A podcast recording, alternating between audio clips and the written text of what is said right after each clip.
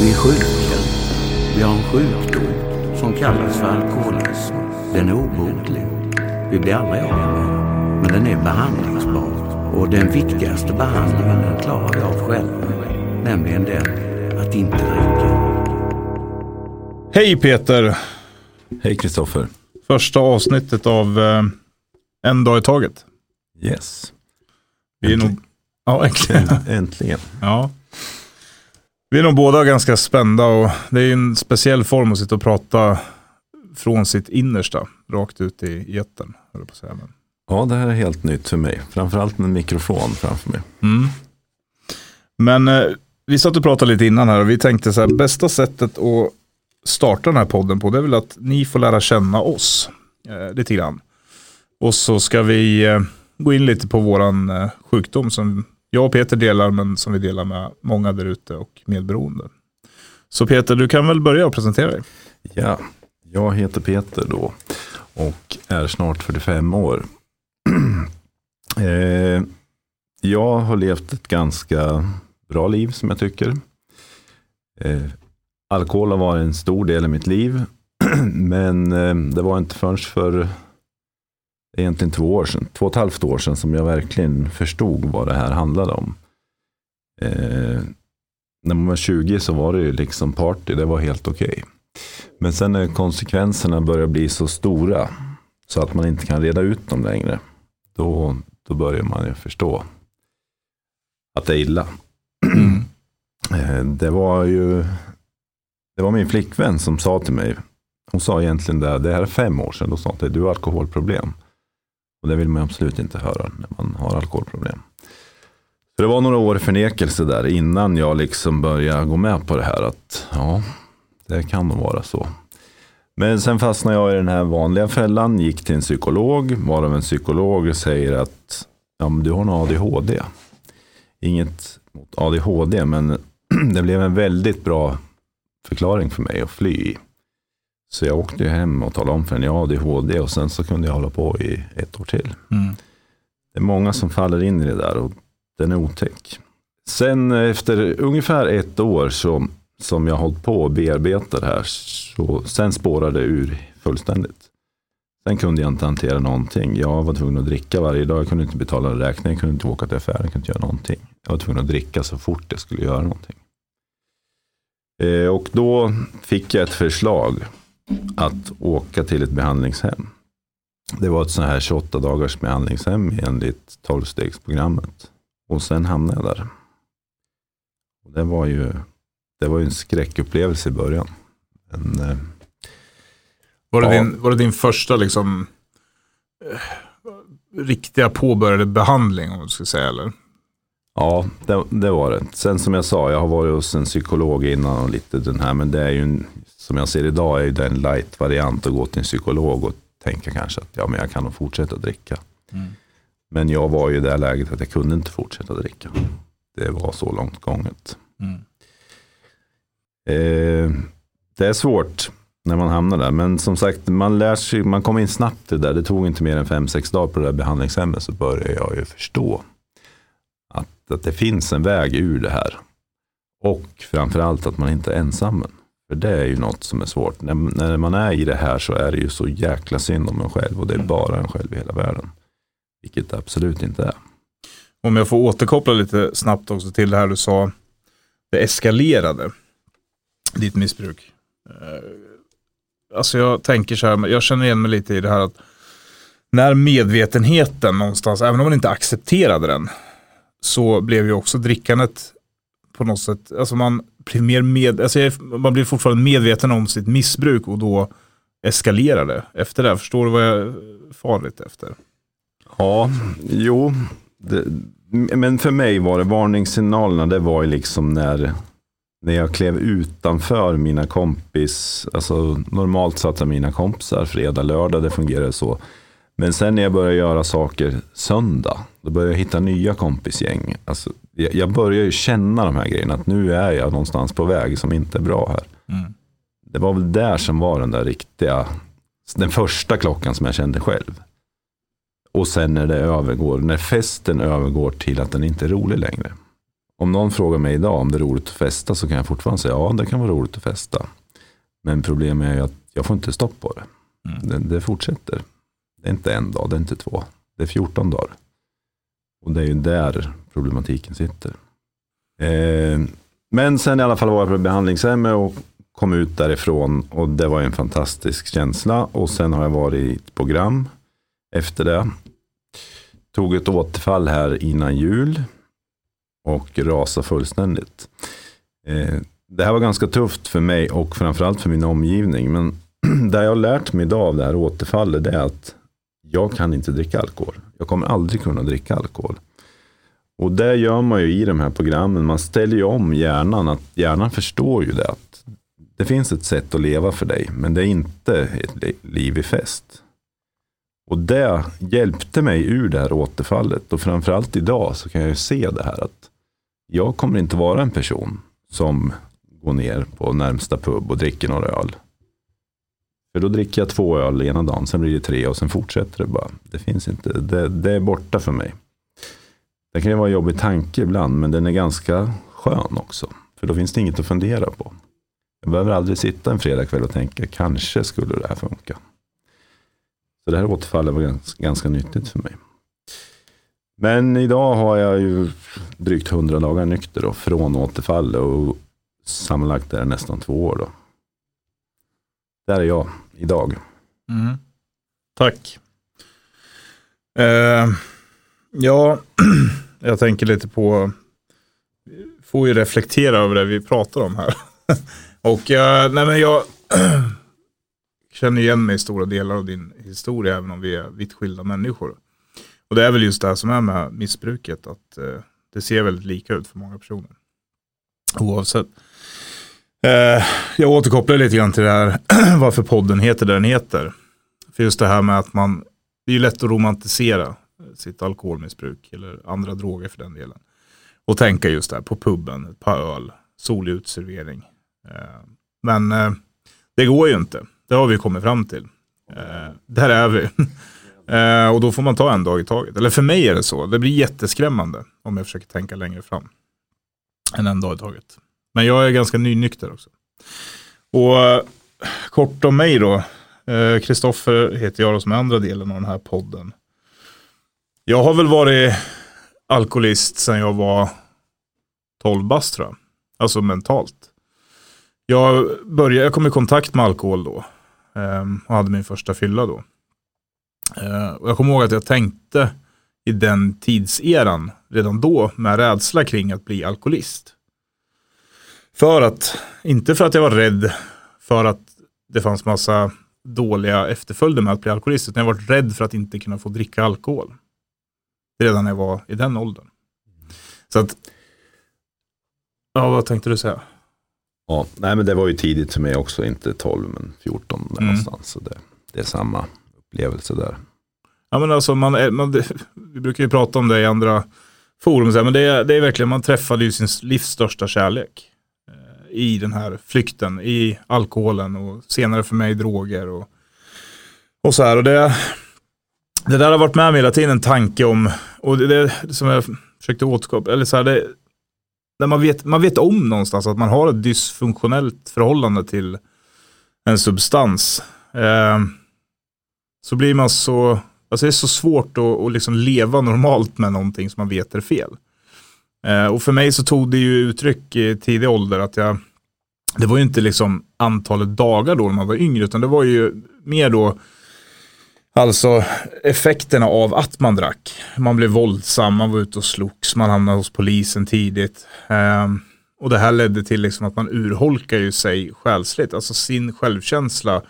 Och det är det som viktigast att kanske bygga upp sig själv och lära sig att tycka att man själv är en bra person. Då gröpte man ur det istället och satte på massa fasader av att man var tuff eller ja, vad det nu kan vara. Det är ju en form av bedövning så känner jag. Alltså, för mig då, alkoholen är ju en bedövning i det här. Du behöver aldrig gå in i känslor Mm. och du behöver aldrig tänka efter. Precis som du säger. Det, Mm. det, Nej, och så tar man ju med sig det här och, och det är ju progressivt. Även om du bara håller det till en drog eller flera droger. För mig så vart det ju att jag började testa liksom amfetamin, det var ju liksom den nya kärleken sen. Och den höll i sig i, ett gäng år. Jag tror jag testade den första gången när jag var 15-16 bast. Och sen höll det där i sig eh, till, ja men jag var 25-26. Så, så liksom tog jag amfetamin nästan hela veckorna. I alla fall sista, alltså mellan 20-25, då jobbade jag och jag gjorde allt på amfetamin. För det var ungefär som du beskrev det. Alltså, skulle jag gå till jobbet då var jag tvungen att ta en, en lina liksom. Ehm, och sen där någonstans, 25-26, så börjar ju också, för jag menar, droger påverkar oss oavsett vilken det är. Vi förändras, man, beteendena på drogerna förändras. Mer och mer konsekvenser uppstår av olika sorter. Och amfetaminet var en stor kärlek för mig, för att det gjorde att jag varit fokuserad, lugn, vältalig. Och jag liksom, allt det här aggressivitet som jag hade haft problem med tidigare i livet, det, det försvann när jag liksom blandade då alkohol och amfetamin. Och sen så träffade man på kokain och, och det var ju liksom ännu bättre, det var ett steg till då. Eh, och ta en drog som gick ur lite fortare, så det gick ju liksom planera ännu bättre med sitt liv då tyckte man. Man kunde festa liksom långt in på söndagen och ändå liksom ta sig till jobbet. Och skulle man då tidigare arbetsplatser där man faktiskt eh, råkade ut för stickprovskontroller för alkohol och droger så visste man att kokainet gick ur. Så det var ju också en sån här bedräglig grej att man kunde hålla på med. Men nära och kära har ju fått lidit fruktansvärt eh, på grund av det här. Eh, och jag, ja, om jag ska kort om behandlingshistorik. Jag har väl eh, jag har blivit tilldömd att gå till psykologer. Det är, precis som dina erfarenheter Peter så, så eh, har det väl på ett sätt väckt tankar hos mig på ställen, men det har också stökat till det mycket. För det är ingen av dem som har använt, eller alltså även om drogmissbruk och alkoholmissbruk är ett symptom av någonting, så är det så här att man, det går liksom, man måste attackera det. Man måste ta bort det för att kunna börja jobba med sig själv. Det går liksom inte att vara packad när du ska rensa upp i dig själv. Liksom. Eh, men sen hade jag en episod här i, ja det var nyår. Eh, jag, jag, jag, var invaggad i någon trygghet, jag hade inte tagit några andra droger än alkohol på de senaste två åren. Eh, men däremot hade alkoholdrickandet ökat alltså, signifikant. Eh, och jag var ju packad varannan dag ungefär, min frekvens. Riktigt jävla packad och sen bakis en hel dag. Och så där höll det på då. Men sen så gick jag på både kokain och amfetamin på nyårsafton. Eh, och till det här hör ju då att man har nära och kära kring sig eh, när man gör det här. Och då var det ett uppvaknande. Eh, och den här gången behövdes det ingen hand i ryggen när jag sökte behandling, utan jag sökte den för min egen och för alla runt omkring mig skull. Så där är jag nu, det var snart fem månader sedan. Vi, vi, har väl, vi synkar väl, jag tror på dagen, våran eh, nykterhet sen ditt återfall och mitt inträde om man säger. Fascinerande. Ja. Eh, ja, nej, jag har ju aldrig provat eh, sådana droger. Och jag är fullständigt övertygad om att hade jag hamnat där så hade jag inte levt idag. Mm. För jag, har, jag är en så stark beroende personlighet så det har inte fungerat. Mm. Jag har hållit mig på slutet i vin. Eh, och jag eh, ska inte nämna några märken här. Men en sex liter vin om dagen ungefär var. Kanske någon flaska whisky också på det. det är ganska hög konsumtion. Men jag har inte provat några droger. Det är jag glad för. Mm. Idag. Men som jag var inne på förut också, det är ju den här bedömningen som man är ute efter. Och, och kopplat då till psykologer, absolut inget ont om psykologer, men precis som du sa, att det måste vara rent i huvudet innan man kan börja jobba med sig själv. Mm. Eh, det går inte att vara full tre dagar i veckan och gå hos psykolog. När man dessutom förnekar att man har alkoholproblem. Då är man ju, det är svårt för psykologen, det blir mm. orättvist. Eh. Ja, men, och det leder oss lite till någonstans så tror jag, jag, jag har i alla fall haft episoder i, i, mitt liv där jag har varit nykter. Tagit egna beslut som har väl bara fallit sig av en slump egentligen. Och då kommer man, man, man alltid säga, gud vad bra jag mår nu. Men då kopplar man det till träning eller till någonting annat man har gjort. Eh, Ja, jag lyckades vara nykter 12 veckor för några år sedan och det var ju fantastiskt. Men jag mm. vet också att efter de 12 veckorna, den fyllan som var då efter, den var ju fantastisk. Då var det ju liksom all in på allt. Då hade man gjort sig förtjänt att bära sig åt som en apa mm. ganska länge. Så det är ju inte hållbart heller. Eh, nej, Och där är vi idag. Och vi pratade lite om att prata om det här vi kanske har kommit till eh, insikt med. Är vi sjuka? Eh, oavsett hur man vill, liksom, vad man sätta, vill sätta för etikett på det här så vi behandlar det som en sjukdom. idag är ju det här en sjukdom. Mm. Eh, och de flesta förstår nog att det är en sjukdom. Eh, förr i tiden gjorde väl inte alla det. Men det är ju svårt att säga till sig själv också. Jag är sjuk i något som Mm. heter beroende. Det är jättesvårt. Men det blir också en befrielse när man har gjort det. Och sen så när man ser hur många som lider av det här. Mm. Eh, och sen som du nämner också omgivningen. Hur många är inblandade i den här sjukdomen. De brukar räkna 6-7 per beroende. Då, så det är ju ganska många om man bara tittar i Sverige som har det här. Mm. Som då är inblandade aktivt hela tiden. Ja, Sen så lämnar man ju bra mycket mer offer efter sig på vägen eh, under tiden. ja, ja. ja. Så sätt. Nej, men jag hörde en bra, alltså det här med sjukdomsbegreppet, det är ju eh, det här med att snabba lösningar, det, det, det ligger ju lite i vår personlighet. För vi, vi är ju lite så här, vi delar ju en typ av person, vi delar ju en samhörighet, vi som både dricker och är aktiva och som har lyckats sluta dricka. Eh, och eh, en sak där i är ju eh, själva, alltså ta bort en grej så ska man få en lösning. Eh, så är det ju inte heller. Eh, Självklart märker man ju ganska snart när man tar bort alkohol, droger eller vad man nu har så, så blir det mycket, mycket lättare att börja liksom rensa upp i sig själv och sitt liv. Men det var en som sa, vad jag skulle komma till, eh, det här är en själ, eller känslomässig, känslobaserad sjukdom. Eh, för jag tror att vetenskapen har ju inte lyckats ta fram ett piller som löser beroende. Nej, inte än. Eh, nej, inte än. Och det är möjligt att, men om jag utgår från dagen så, så ja, är det något vi har försökt hitta innan så är det väl piller och, och vätskor som ska kunna lösa vårt problem. Men det ligger ju inte där i. Men vi måste få bort det för att börja kunna, så alltså, känslomässig sjukdom tycker jag är en bra beskrivning utifrån dagens läge. Ja. Och det är därför man inte kan behandla det heller med någon form av substans. Man måste ner på känslan. Vad har jag för känslor idag? Hur mår jag idag? Det, det måste vara rent liksom i både hjärna och kropp. Eh, och det är ju också en variant på det här att man äter piller och lugnande och sådana här saker. Men en alkoholist som äter lugnande och dricker, det brukar inte vara någon bra kombination. Utan ja, det gäller att få bort det här för att kunna jobba med sig själv. Och det är det som vi gör nu i de här programmen som vi går i. Mm.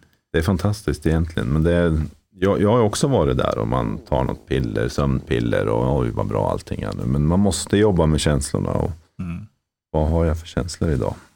Hur kan jag hantera det? Och det är det som man bedövade med alkohol. I alla fall det var ju liksom jättelätt. Det gick att ta bort känslorna. Jag behöver inte ha några känslor. Mm. Jag hade en jobbig dag på jobbet. Jag åkte hem och krökade, så var det borta. Mm. Men det försvinner ju inte. Det finns ju någonstans i mig ändå. Mm. Och sen är det ju, kan jag tycka, men som en sån här grej, att faktiskt jobba med att vara ärlig hela tiden. Man, eh, det är ju sårbart att prata med människor som man kanske tidigare har eh, missbrukat inför eller med. Eller, alltså så, man har, tidigare har man, man har byggt upp någon form av försvarssystem. Kanske att man är ett riktigt jävla rövhål eller att man är farlig. Eller att man, ja, men alltså, det finns olika saker som gör att man håller sig på något sätt oantastlig. Med lögner och, och ja, frontar med saker. Nu klämmer man av sig det och det enda man har egentligen som sköld känner jag det är att man väljer att vara ärlig. Sen så kan jag inte påverka så mycket mer. Eh, hur folk uppfattar det jag berättar. Så. Sen var det ju lätt också att alla andra är idioter, så var jag när jag Mm. drack. Det, du kan ju leva på den känslan, att tycka att alla andra är knäppa huvudet. Då går det ju att dricka på det också. Omgivna idioter. Men, ja, exakt. Men det var ju det första man fick lära sig när man kom in i de här programmen. Att om du provar att vara en nice person så kommer det här liksom att lätta. Mm. Eh, Och det ser man i hela samhället. Det är ju det, vi pratar skit om varandra, vi har fördomar, det är det som skapar det här. Och i vårt fall då som är beroende personligheter, vi, vi dricker på det också. Blir ännu mera utåtagerande och tycker folk gör tokiga saker. Men den som gör tokiga saker, det är vi själva. Mm. Och det är lite där jag vet, alltså, det du är inne på nu är just det här också. Att man ut, vad har man att referera till? Jo men man kommer ut och så nykter och så säger någon så här, men var snäll. Och det är ju läskigt att vara snäll. Man är ju skitdålig på att förlåta. Man är eh, skitdålig på att vara ärlig och känslosam och hela den här biten. Och så utgår man ifrån att alla kommer vara så som jag var när jag var aktiv. Och då är det ju livsfarligt att vara ute och vara snäll mot någon som kommer hugga en i ryggen. För när man är aktiv, när jag är aktiv, det är precis som du säger ett asshole, ja men man, man blir ju oundvikligen en, en oberäknelig, eh, opolitlig människa som inte kommer göra speciellt mycket annat för, för andra människor än för sig själv. Eh, men sen märker man ju ganska snart att, precis som du säger, när man, om man litar till de här programmen och de steg man tar så, så är inte människor så jävliga som vi var är min erfarenhet än så länge. Nej, Nej, alla, eh, det är ju det man, som ändras, hur man ser på, på samhället och, mm. och människorna. Att, eh, man, man, får ju så mycket tillbaks när man börjar behandla folk på ett sånt sätt. Börjar du vara trevlig så får du ganska snabbt effekt tillbaks. Mm. Förut hade man ju skyddet uppe hela tiden. Mm. Sen du nämnde ärlighet där, det, det, var ju också obehagligt. Fan, nu måste jag vara ärlig här och tala om allt tokigt jag har gjort. Men, men den stora grejen med ärlighet, det är ju att vara ärlig, vara ärlig mot sig själv. Att mm. kunna se på sig själv som man är. Det är ju där det stora sitter. Alltså, vem är jag? Eh, våga säga nej, sätta gränser. Det gäller ju för oss också. Mm.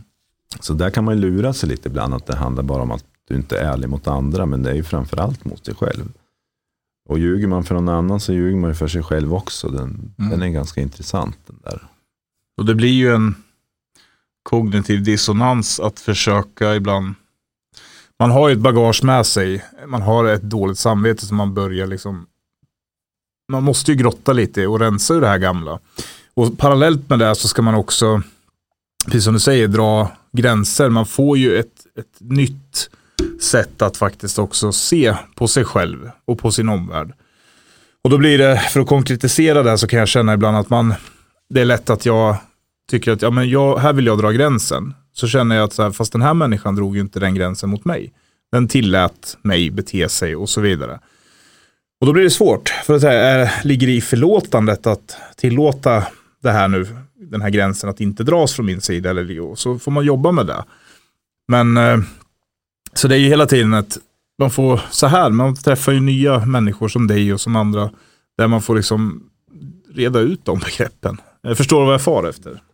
Ja, det förstår jag. Och det är ju erfarenheten där, nu nämner du andra, men man träffar andra människor. Det är ju det, mm. det finns ju så mycket erfarenheter i det här och folk som har hållit på med det här länge, de som har varit nyktra i 30 år, det finns ju otrolig erfarenhet. Och, mm. och, och allt de säger blir någonstans en sanning till slut. Att Just det. Eh, och sen att det handlar, om, det handlar om hela livet. Det, här. det är inte bara att sluta dricka. Eh, det är inte att skruva på korken, utan det handlar om ett levnadssätt. Mm. Hur man kan hantera situationer i livet på ett najsare sätt än vad man har gjort tidigare. Mm. Sen tar det här tid. Det är över tid. Det, är, och det märker vi. Och som sagt, jag föll i julas igen och det finns inga garantier. Och man måste jobba med sig själv hela tiden. Mm. Men där har vi ju bra rutiner. Det finns rutiner att följa och hur man kan hantera det här. Mm. Jag tänker ibland på, eh, alltså när jag träffar andra människor som jag aldrig har träffat när de var aktiva. Så kan jag lura mig själv och tänka att det är en helt annan människa. Jag kan bli så här förvånad att människan har haft ett liknande liv socialt som den har, jag förstår vad jag menar, nykter som, eh, som aktiv. Eh, och då tänker jag, jag sammankopplar det här till lite grann så här, men jag var ju själv så, man har ju sökt hjälp i det tysta för sig själv, alltså eh, grupper på nätet och någonstans, man, man har, den här tanken har grott lite grann i en att så här, fan jag vill, jag vill göra det här men jag vågar inte ta steget riktigt. Och den tanken nu när jag sitter här med en mikrofon framför mig så en tanke och målsättning med den här podden är väl att man hoppas också att kanske är någon som ligger där ute som fortfarande inte har kommit över bara det här steget eh, som hör det här och, och kanske kan få tillit till att det är så, så mycket, mycket bättre och värt att ta det steget. Det hoppas vi på. Det ska bli så. Mm. Sen brukar jag få frågan, eller jag har fått den många gånger. Är jag alkoholist? Eh, den går ju inte att svara på, den måste man ju mm. svara på själv. Men det var någon som sa till mig en gång att när en normal person går på en fest och gör bort sig. Så nästa gång han går på fest, då gör han inte bort sig. Mm. En som har beroendeproblematik, han går på fest andra gången och gör bort sig igen. Mm.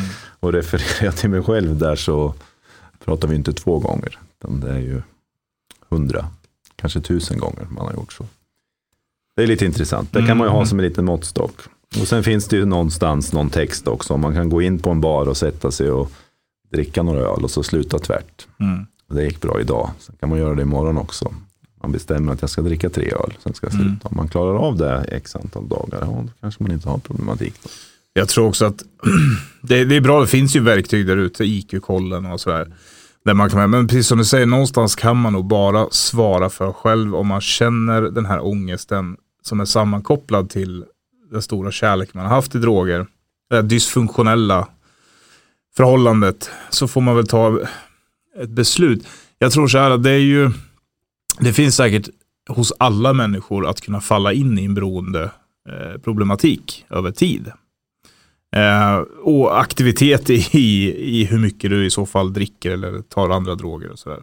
Eh, det jag ska ha sagt med det är att jag tror att en fin grej med all erfarenhet som har samlats de senaste hundra åren är väl att alla behöver inte slå i den absoluta botten för att få ett värdigt liv.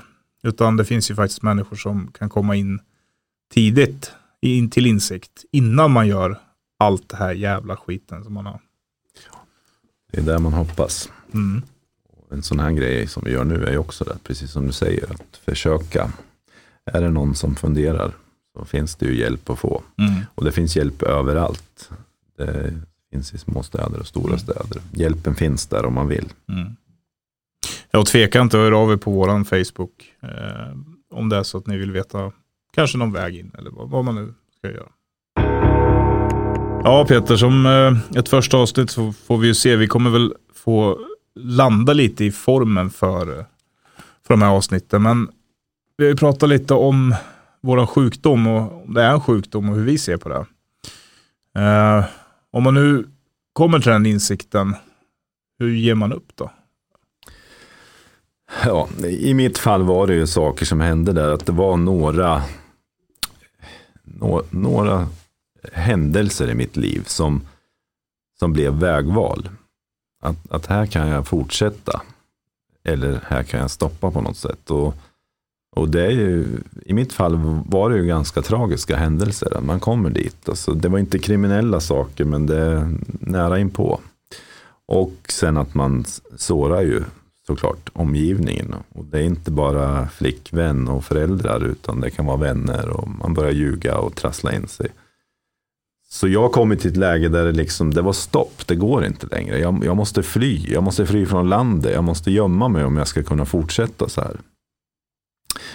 Och där kommer jag då till det här innan jag åkte på behandlingshem. Jag hade ju gett upp. Men sen har jag ju försökt. Och även när jag var på behandlingshemmet. Ja, det finns nog en väg ur det här. Det finns nog någon väg här. Nej. Och för, för oss är vägen ur det att lyckas komma tillbaka till missbruket Ja. på ett sätt. Exakt. Eh, så, men sen trillade jag, eller trillade, sen tog jag ett återfall då igen i, i jul där och då var det samma visa igen. Men det gick ju så mycket fortare där innan jag gav upp. Tack vare att jag hade allt det här i ryggen och även i mitt huvud nu, hur man kan leva. Eh, så, men, men för mig idag så är ge upp, det, det är samma som att, att jag inte kommer leva längre. Sen hur det kommer gå till, det vet inte jag, men det, kan, det kommer sluta med någon, någon form av katastrof. Det behöver inte betyda att man tar livet av sig, men nå, någonting åt det hållet. Eh, och som du nämnde förut så är ju det här progressivt. Det är ju inget som, som blir bättre. Det var ju den tanken hade jag för tio år sedan. Ja, men jag kan nog hantera det. Jag kan lära mig dricka. Och jag provar att dricka öl. Jag provar att dricka vin och testa den här. Men det, eh, det går sakta men säkert utför. Och så, så jag gav ju upp där då för två år sedan. Och jag fick ju ge upp igen nu här runt jul. Det, men det är som sagt händelser. Vissa händelser, till slut blir det ohanterligt och då blir du tvungen att ge upp. Alternativt fly någonstans, men det kommer ju ändå sluta att man hamnar här. Eller att man inte överlever då. Ja, och jag tror att värdet av att ge upp. Det jag tror det är svårt, om jag ska klassificera, jag har också gett upp flera gånger. Eh, och precis i den punkten man ger upp så är man ju inte så långt ifrån sitt aktiva liv om man säger så. Det är ju minuter efter kanske. Och från den punkten skulle jag säga så här, då är man fortfarande, eller jag i alla fall, eh, egoistiskt inställd och någonstans så jag ger upp för att jag orkar inte med mer ångest. Och det är också en egoistisk, jag orkar inte med mer, jag vill inte såra fler. Alltså så här, det, allting återkopplar till mitt egna mående. Men värdet är att ge upp. Det är ju bara vad man gör efter det sen. Eh, för det är där tillfrisknandet börjar. Eh, men att komma till den här punkten, det har jag gjort några gånger. Alltså det jag känner så här att det finns ingen annan utväg nu. Det finns ingen mer dricka som kan få mig att må bra. Det finns inga mer droger som kan få mig att må bra. Det finns inga relationer jag kan gå in i för att gömma mig den här ångesten. Det är bara att sluta. Men jag har också fallit, eh, fallit mig igenom sådana situationer där man ger upp eh, och sen faller tillbaka i gamla mönster. Eh, men det är först, ja, jag vet inte, vi, vi kommer väl kanske beröra det ämnet, men det gäller väl också att lägga tillit i någonting större än sig själv för att inse att det är inte jag som styr det här 100% heller. Nej, sen nämnde du e egot där och, och, det är ju något man också får lära sig ganska tidigt. Hur stort ego man har mm. när man har den här sjukdomen. Att allting kretsar ju kring sin egen sjukdom. Mm. Och det, är oss, det är oss själva vi tycker synd om. Mm. Så nämnde du också då, omgivningen. Det är ju omgivningen också som det egentligen är ännu mer synd om. Mm. Men jag gjorde någon sån där, fyllde in någon blankett när jag var på det behandlingshemmet så på saker som jag har gjort i mitt liv och sen skulle man då hitta sin del i det här. Och det slutade med att det sista som var skrivet på alla grejer, det var ju mitt, mitt ego. Mm. Som har gjort allt det här. Så det har ju inte med någon annan att göra överhuvudtaget. Det är andra som har blivit sårade, men det, det är bara mitt ego som har styrt. Och så otäckt är det. Och det behöver man ju inte gå längre än till krogen och titta för att se hur folk fungerar när de dricker mycket alkohol eller tar någonting annat. Mm.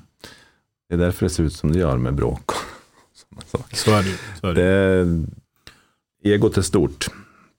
Nej men sen handlar, jag tycker också, för varje dag som går som man faktiskt eh, tar en dag i taget och håller sig nykter så bygger man ju på sin självkänsla. Och, och med det menar jag att jag tycker inte synd om om vi säger då, vi tar det lite extremt, men så här amerikanska seriemördare som liksom, ja de eh, gömmer folk i parketten hemma och så får man höra då att ja men eh, de hade en så jobbig uppväxt och så vidare.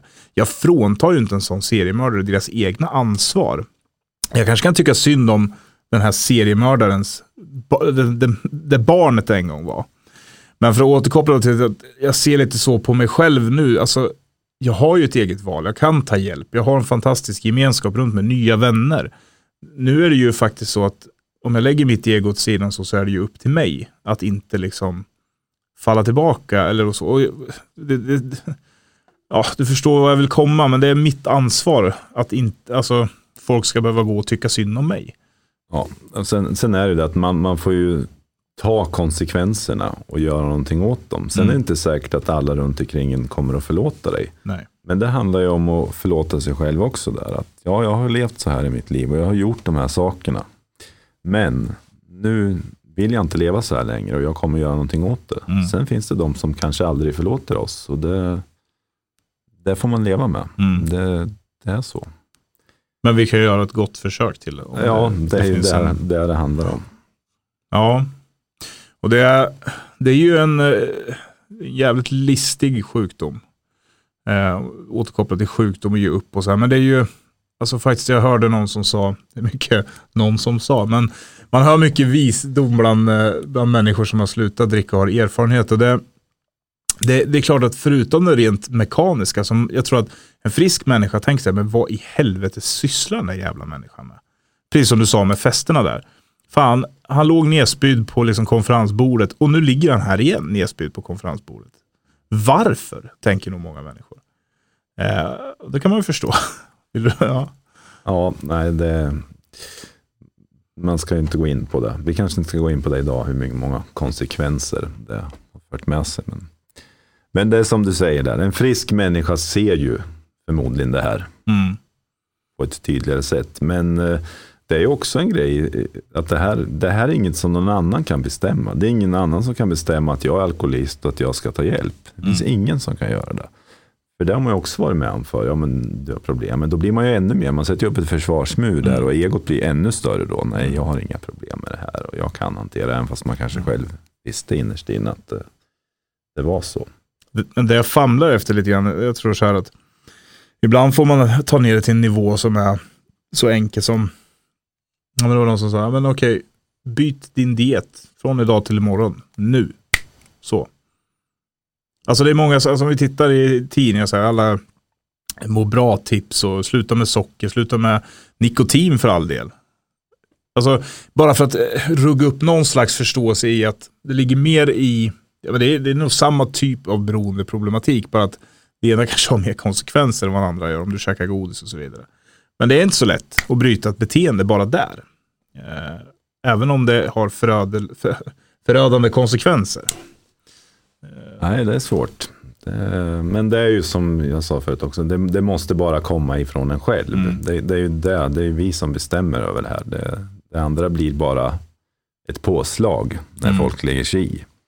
Sen är, sen är det en del personer som hamnar i kriminella saker där man blir tvungen Mm. att få en konsekvens då. Men i mitt fall var det ju inte så, utan det var ju att jag ställde till det känslomässigt för alla runt omkring mig. Och i en förlängning kunde det bli värre då. Men det, sen när du nämnde sluta och sådär, det är ju inte, det har jag också hört, ja men se till att hålla korken på nu, Mm. flaskan. Men det har jag ju också förstått nu, att det här handlar ju inte om att korken ska vara på flaskan, det är så mycket större än det. Mm. Och det är liksom en, det är ju en helt annan livsstil vi lever idag. Mm. Men man får också så mycket mer tillbaka om man då kopplar det till att sitta nere i hamnen och ta en öl när solen skiner. Att kunna sitta nykter med sin dotter och ha ett Mm. gott samvete och veta att jag kan ta hand om min dotter. När man gör den jämförelsen då blir det ganska enkelt att vara nykter. Mm. Men det förstår man ju inte då när Nej. man är där. Och jag tror att vi kommer prata om det i kommande avsnitt, lite gå djupare på det här med tillit och, och den biten. Men precis som du säger, alltså de här belöningarna som kommer, att man, även om jag är nynykter så känner jag ju mycket, mycket större tillit till mig själv i ett läge där jag är med mitt barn och så. Jag vet att jag kommer vara för dagen nykter och kunna ta hand Och skulle jag känna mig osäker på dagen, kommande dagen, då skulle jag våga kommunicera det med min omgivning. För jag har verkligen fått öva på i fem månader på att vara ärlig. Och det innebär att inte sätta upp, alltså inte låta orden stanna kvar i munnen på mig. Utan när jag känner mig orolig för någonting. Alltså att, eller om jag säger så här, förenklar det. Om jag känner att jag börjar försvara ett beteende som jag vet i min ryggmärg just nu kan leda till miss, alltså gå tillbaka till att dricka. Då säger jag det direkt. Jag ger inte mig själv möjlighet att börja liksom linda in mig längre. Och det är jag glad för. Sen jobbar ju vi så nu också, det här med att man har någon man kan kontakta. Och det är ju Mm. precis det du säger, att istället för att hantera allt inom sig själv, Mm. egot tar hand om det här och jag tar beslut efter det.